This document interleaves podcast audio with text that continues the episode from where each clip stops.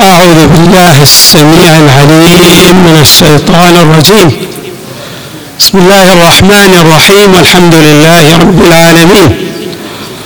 والصلاة والسلام على أشرف الخلق سيدنا ونبينا محمد وآله أجمعين الطيبين الطاهرين. قال الله تبارك وتعالى في القرآن الكريم قل فلله الحجة البالغة فلو شاء لهداكم أجمعين. صدق الله العلي العظيم. إمامنا الصادق عليه السلام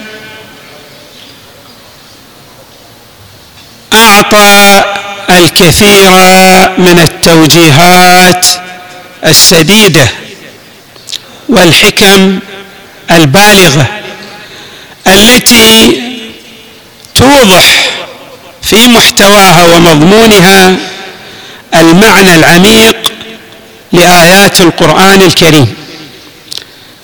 من هذه الإيضاحات والتفسيرات ما جاء في هذه الآية المباركة وهي قوله تعالى قل فلله الحجة البالغة فلو شاء لهداكم أجمعين.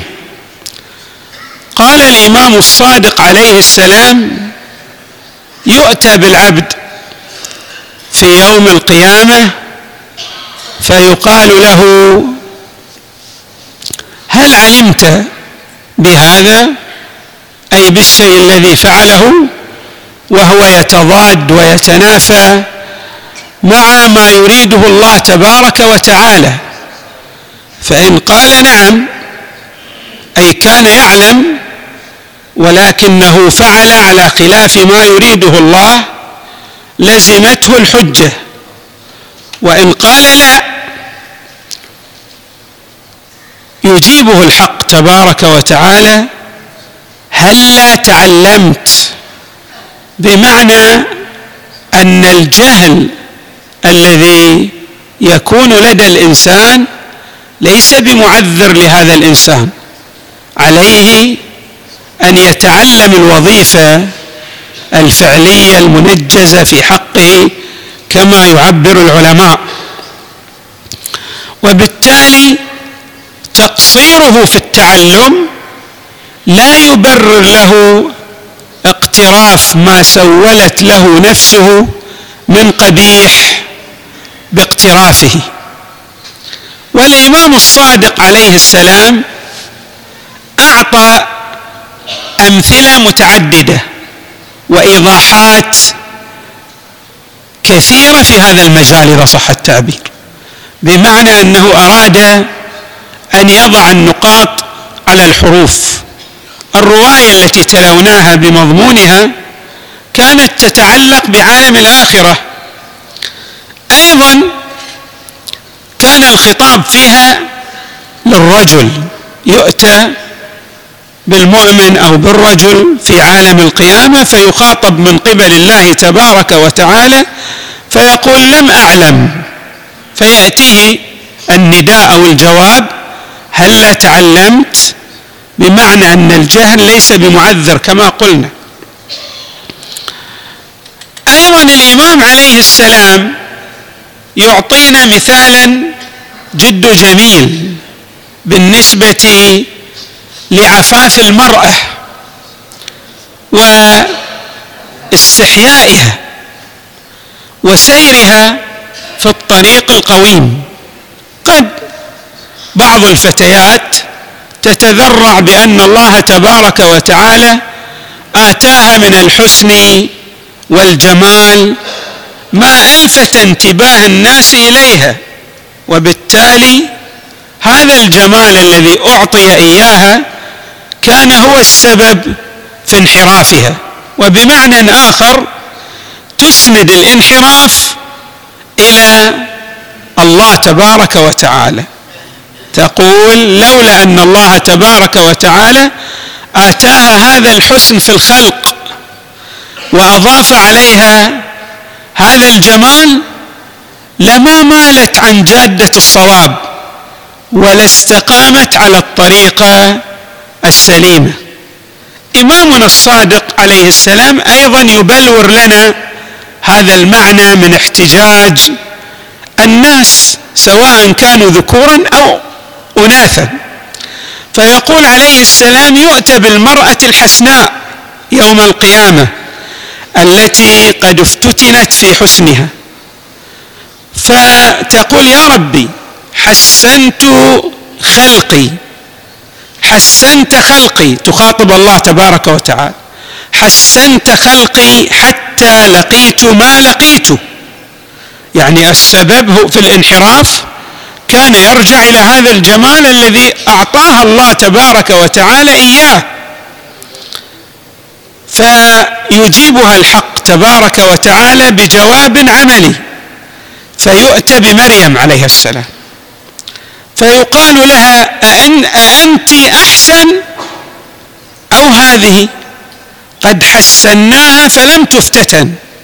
أي أن الله تبارك وتعالى يضع لنا نماذج وأمثلة في الحياة الدنيا. بمعنى أنه لا يمكن الاحتجاج على الله تبارك وتعالى لأن له الحجة البالغة في عالمي الدنيا والآخرة وبالتالي الإنسان سواء كان ذكرا أم أنثى لا يتأتى له أن يحتج على الله تبارك وتعالى بل لله الحجة عليه. أيضا الإمام الصادق عليه السلام يبلور لنا معنى جد هام على أن الإنسان إذا افتتن انحرف. هذا ليس بمبرر له بمبرر له أن يستمر في انحرافه. عليه أن يرجع إلى الله وأن يتوب.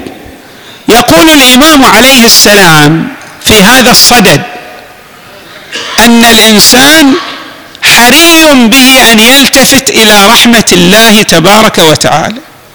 مهما صدر منه من ذنب مهما اقترف من جانحة. يقول الإمام أوحى الله عز وجل إلى داود النبي على نبينا وآله وعليه السلام يا داود إن عبدي المؤمن إذا أذنب ذنبا. ثم رجع وتاب من ذلك من ذلك الذنب واستحي مني. عند ذكره غفرت له وأنسيته الحفظة وأبدلته الحسنة ولا أبالي وأنا أرحم الراحمين.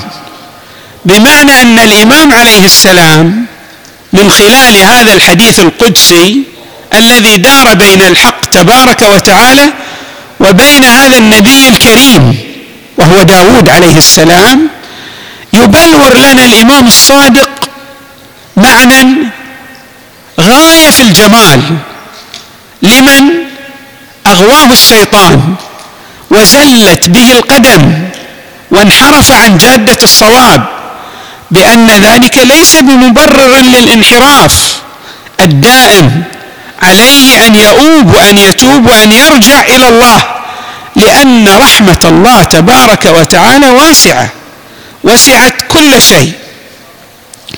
والامام عليه السلام لا يكتفي بذلك فحسب بل أيضا يوضح لنا أن هذه الذنوب التي اقترفها المؤمن عندما يرجع إلى الله تبارك وتعالى يحصل على خير كثير.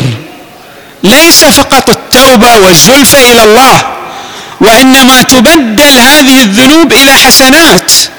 وأيضا سيأتي كريما إلى الله تبارك وتعالى.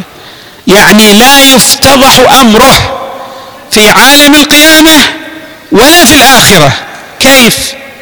الله تبارك وتعالى له قوانين وهذه القوانين خارجه عن إدراك عقولنا. يعني أن عقولنا المحدودة لا تحيط علما بهذه القوانين الإلهية. نحن لا نعرف كيف تجري هذه القوانين في عالم الآخرة.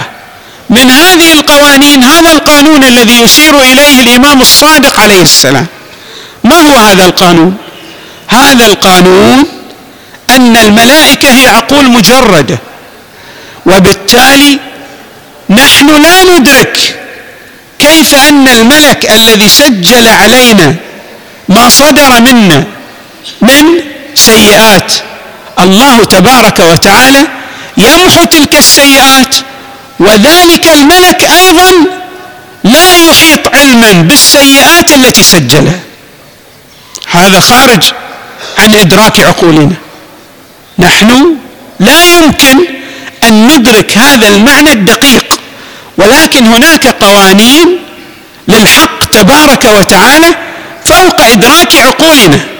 ولذلك الإمام عليه السلام يقول هنا ثم رجع وتاب من ذلك الذنب واستحيا مني عند ذكره غفرت له وأنسيته الحفظه كل من حفظ عليك ذنبا سواء من العقول المجردة أو من الأزمنة والأمكنة كل هذه الموجودات راح تنسى هذا الذنب. تنسى بمعنى ما تدرك لا تحيط بهذه الذنوب التي صدرت منك.